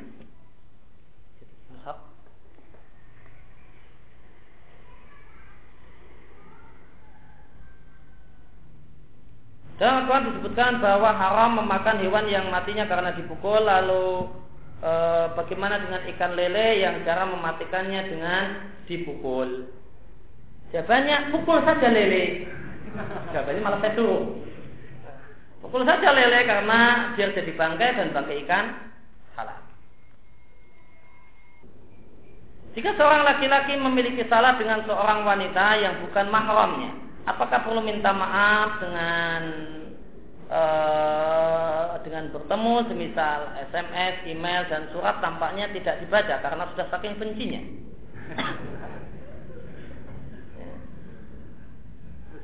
Maka dia bisa uh, uh, pakai sarana yang memang memungkinkan, ya, uh, sarana yang memungkinkan untuk dia wajib berusaha untuk meminta maaf, ya, namun dengan cara-cara yang syar'i dia bisa punya minta bantuan kepada teman perempuan atau yang lain ya, yang tidak perlu harus tatap muka langsung. Ya. Maka e, itu yang harus dilakukan sebelum e, ya, tentu menyesuaikan diri dengan adab bisa mungkin maka itulah yang seharusnya dilakukan. Dan ketika itu ya cukup e, sampaikan e, terus terang, nggak usah berpanjang lebar, kemudian ada prolog, ada kemudian ada epilog, kemudian ada macam-macam. Sampaikan saja saya minta maaf atas kesalahan saya, titik. Ya. Mudah-mudahan saya harapkan kau memaafkan kesalahan saya dan selesai. Nah, habis itu nggak perlu kemudian uh, berlanjut dengan uh, dengan yang lain.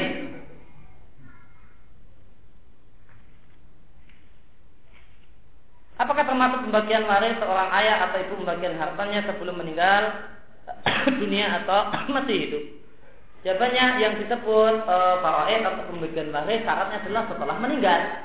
Maka pembagian sebelum sebelum meninggal itu bukanlah faraid, bukanlah pembagian warisan, namun pemberian hadiah.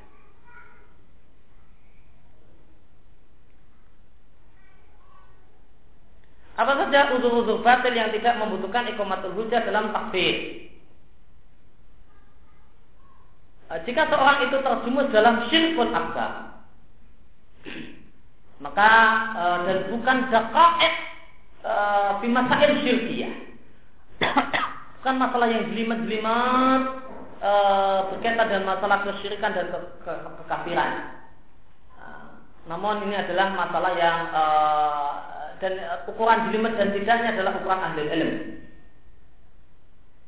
maka jika dia melakukan kemusyrikan yang wabih, eh, kesulitan besar yang eh, yang jelas eh, dan bukan masalah yang dakaik, masail, bukan masalah-masalah yang detail dan rumit dan jelimet, maka apakah untuk untuk syirik besar semacam ini perlu perlu informatul hujah apakah orang tersebut jatuh dalam kekafiran dan kita yakini sebagai orang kafir cukup dengan perbuatannya ini adalah masalah yang diperselisihkan oleh ulama. Ada dua pendapat ulama dalam masalah. Ada dua pendapat ulama dalam masalah ini. Sebagian ulama al sunnah uh, semacam Sa'adul Aziz bin Baz, kemudian juga para ulama jelas dan ada imam mengatakan sering besar orang yang misalnya menyembelih hewan selain Allah, orang yang bersujud kepada selain Allah, orang yang menyembah jin, memuja jin, ya, uh, maka dia kita yakini dan kita sikapi sebagai seorang muslim dan kafir di akhir dunia. Adapun nasibnya di akhirat maka uh, Allah Taala alam jika telah sampai padanya ikumatul hujah ya, maka ikomatul hujah dalam hal ini adalah e, bermanfaat untuk statusnya di akhirat. Kalau dia belum dapatkan ikomatul hujah di dunia, ya maka nasibnya di akhirat Allah Taala a'la. Ya. Adapun jika dia telah tegak padanya hujah di dunia, telah sampai padanya ilmu, namun dia tetap e, tidak mau e, menerima hidayah dan ilmu, maka dia adalah musyrikun kafir di dunia wal akhirat. Namun sebagian pendapat ulama yang lain berpendapat bahasanya kalau seorang itu melakukan uh, syirk akbar yang wadih, maka ini tidaklah dia dinilai sebagai musyrikun kafir secara muayyan, secara person dan bukan perbuatannya kecuali setelah ada pemberitahuan, setelah ada nasihat ini adalah pendapat Muhammad bin Sulaiman rahimahullah taala.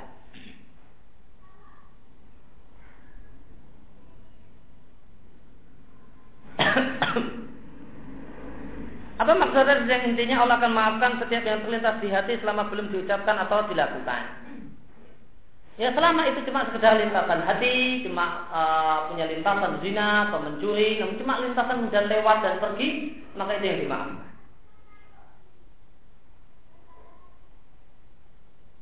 Ketika sholat berjamaah ucapan amin yang benar apakah dipanjangkan atau tetap uh, ataukah dalam bentuk pendek?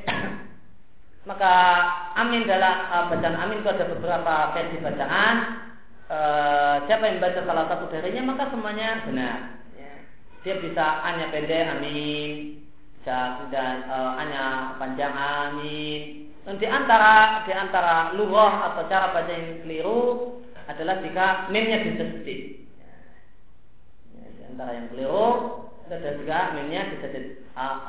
Amin. Maka jika mimnya disedit maka sebagian lama mengatakan salatnya batal karena amin itu maknanya qasidin, orang yang mau pergi ke suatu tempat. Maknanya adalah qasidin, maka perlu ditanya mau ke mana? Bagaimana firman Allah Subhanahu wa taala surat Al-Maidah, "Wala amin al-baital haram." Dan orang-orang yang mau pergi ke Baitul Haram ke Ka'bah. Bolehkah kita berdoa untuk dijauhkan dari lingkungan tempat tinggal kita dikarenakan banyak maksiat di lingkungan tersebut? Jika bisa berdakwah, maka berdoalah untuk bisa berdakwah di lingkungan tersebut itu yang lebih baik. Ya.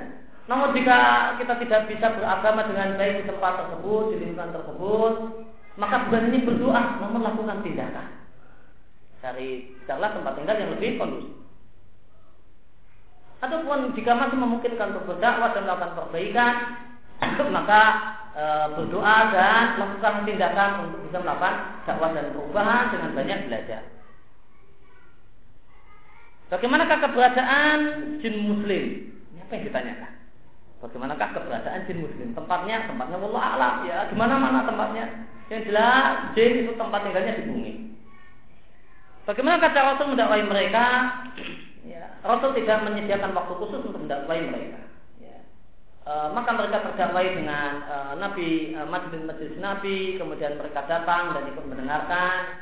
E, itu cara mereka mendapatkan ilmu dan hidayah.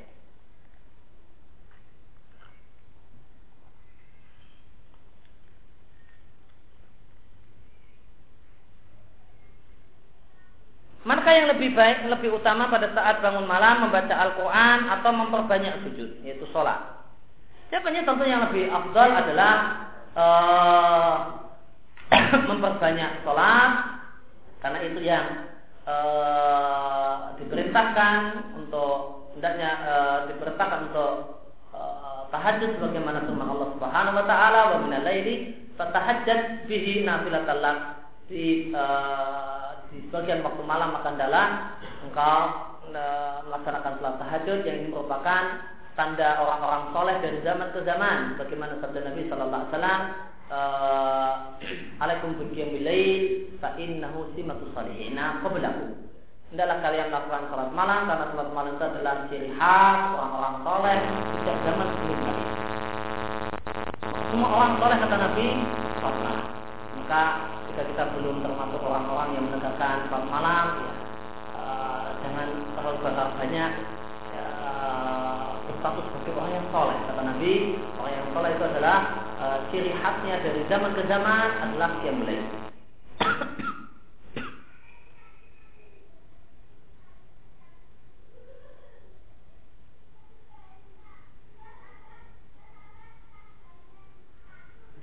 Ada seorang wanita yang ingin belajar ikok pada saya dan tidak ada orang lain yang mau ngajari dia. Bagaimanakah seharusnya saya bersikap? Jawabannya tidak mesti harus diterima, ya diterima kemudian e, antum carikan, ya, carikan teman-teman perempuan yang bisa ngajari. Maka terima permintaannya dengan maksud saya akan carikan dulu. Kalau mengatakan e, tidak ada yang mau ngajari sama sekali itu saya kira agak mengada-ada. Kecuali jika dia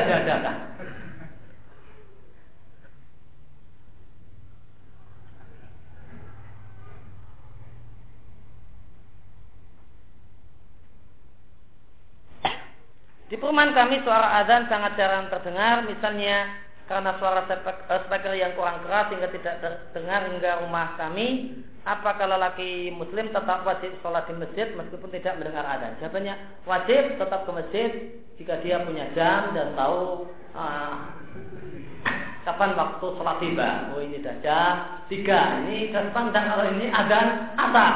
Ya, kalau kecuali kalau dia nggak punya jam sama sekali, namun bisa tinggal di perumahan, nah lain.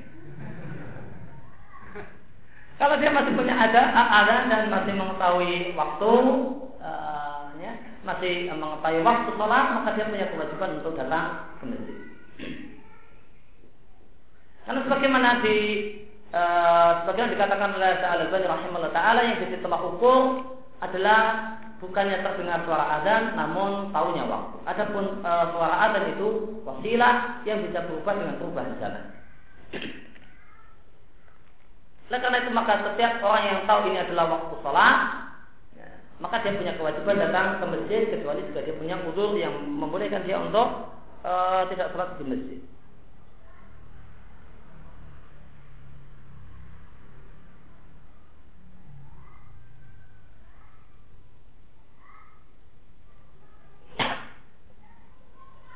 Apakah ada larangan bagi wanita hamil untuk meru'yah misalnya karena takut si janin diganggu oleh jin? Dan apakah ada dalilnya seorang muslim berilmu sebaiknya tidak meru'yah bila istrinya sedang hamil atau bila dia punya anak kecil karena yang bersangkutan khawatir si jin dendam pada anaknya dan mengganggu si janin atau si bayi. Maka yang pertama e, perlu diluruskan pengertian ru'yah. Ru'yah tidak identik dengan jin. Ini reduksi makna ru'yah. Karena ru'yah adalah uh, doa-doa bacaan untuk kesembuhan untuk semua orang sakit. Untuk semua orang sakit. Maka ketika ada orang sakit, kemudian kita uh, kita jenguk, kemudian kita katakan Allah masbi antasabi uh, la sifa ila sifa sifa la taqama, maka kita meruyahnya. Kita meruyah orang sakit tersebut. Maka jangan reduksi makna jin, eh, makna ru'yah sebagaimana kelakuan sebagian orang uh, sebagian orang yang mendakwakan rupiah itu mereduksi mana rupiah sehingga orang awam teridentikan rupiah disebut rupiah bayangannya jin. Bayangannya orang uh, orang kesurupan. Bayangannya orang yang kena gangguan jin. Itu bayangan uh, gambaran tasawur sebagian orang ketika disebut istilah rupiah ini satu hal yang tidak benar. Maka semua bacaan uh, yang kita bacakan untuk orang yang sakit dari doa yang Nabi ajarkan atau dari ayat Al-Quran, maka itu adalah rupiah. Dan rupiah adalah amal-amal soleh, uh, adalah bagian dari amal soleh. Rupiah adalah bagian dari amal soleh yang Nabi anjurkan. Adapun alasan-alasan yang disampaikan, uh, saya tidak tahu dari untuk uh, mengatakan terlarangnya wanita hamil untuk rupiah dengan kekhawatiran ini dan itu bahasanya akidah bahasanya jin yang diruhi itu akan dendam ini ini rahim membutuhkan dalil.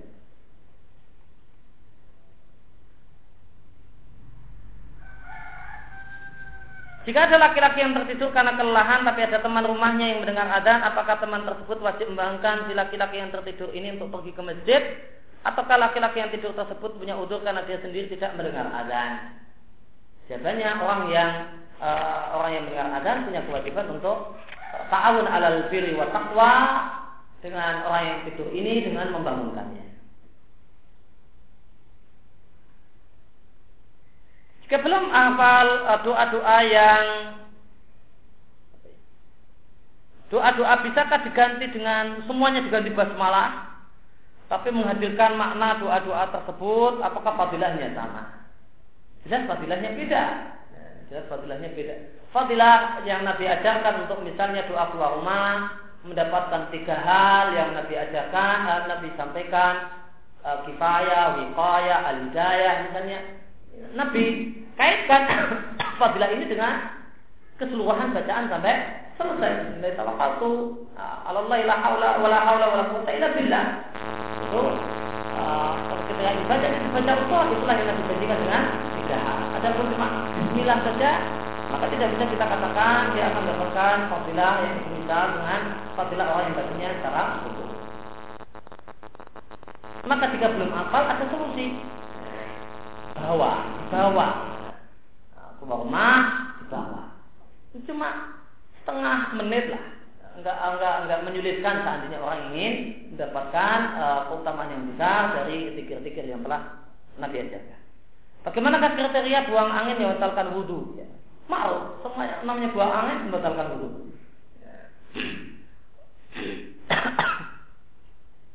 Al-ma'ruf la yu'araf. Ya. Kata para ulama, al-ma'ruf la yu'araf. Satu hal yang sudah ma'ruf nggak perlu didefinisikan, malah bingung apa kentut itu apa definisi kentut ya kentut gitu aja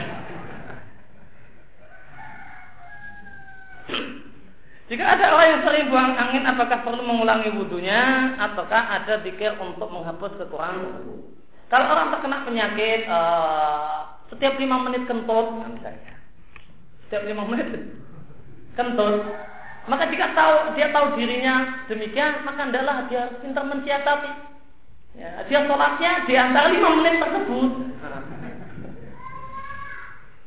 Karena sholatnya orang sekarang kan paling-paling cuma berapa menit ya.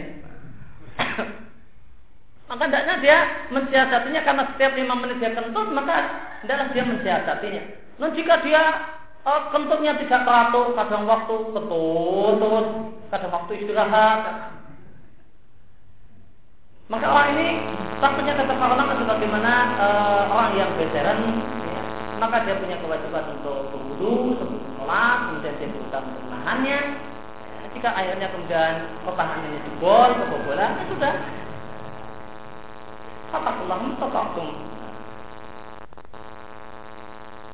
Uh, apa hukum eh, mengucapkan pada orang fasik mati aja kamu?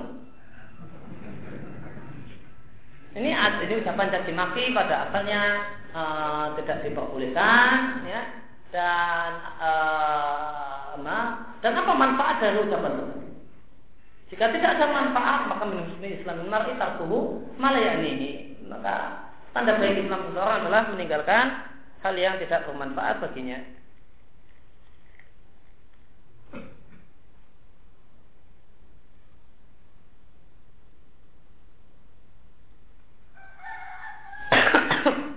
semua nasihat di satu sisi ingin menikah karena banyak keutamaan menikah.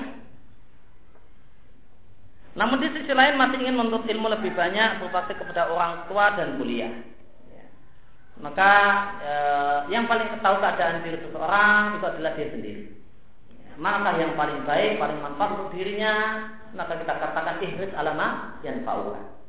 Semangatlah untuk mengambil dan melakukan hal yang paling manfaat untuk uh, diri kalian masing-masing.